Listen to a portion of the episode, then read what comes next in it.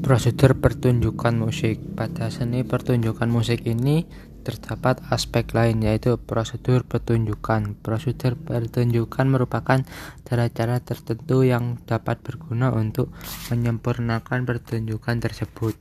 Selain itu, kita harus dapat menentukan tema pertunjukan. Setelah itu, kita harus menentukan musik instrumen yang akan dimainkan. Unsur penting lainnya adalah pelatih, penari, dan pemain pemain musik. Setelah semuanya hal dapat berjalan dengan baik, maka harus mendapatkan pelatihan untuk menggabungkan berbagai hal seperti lagu dan persiapan lainnya.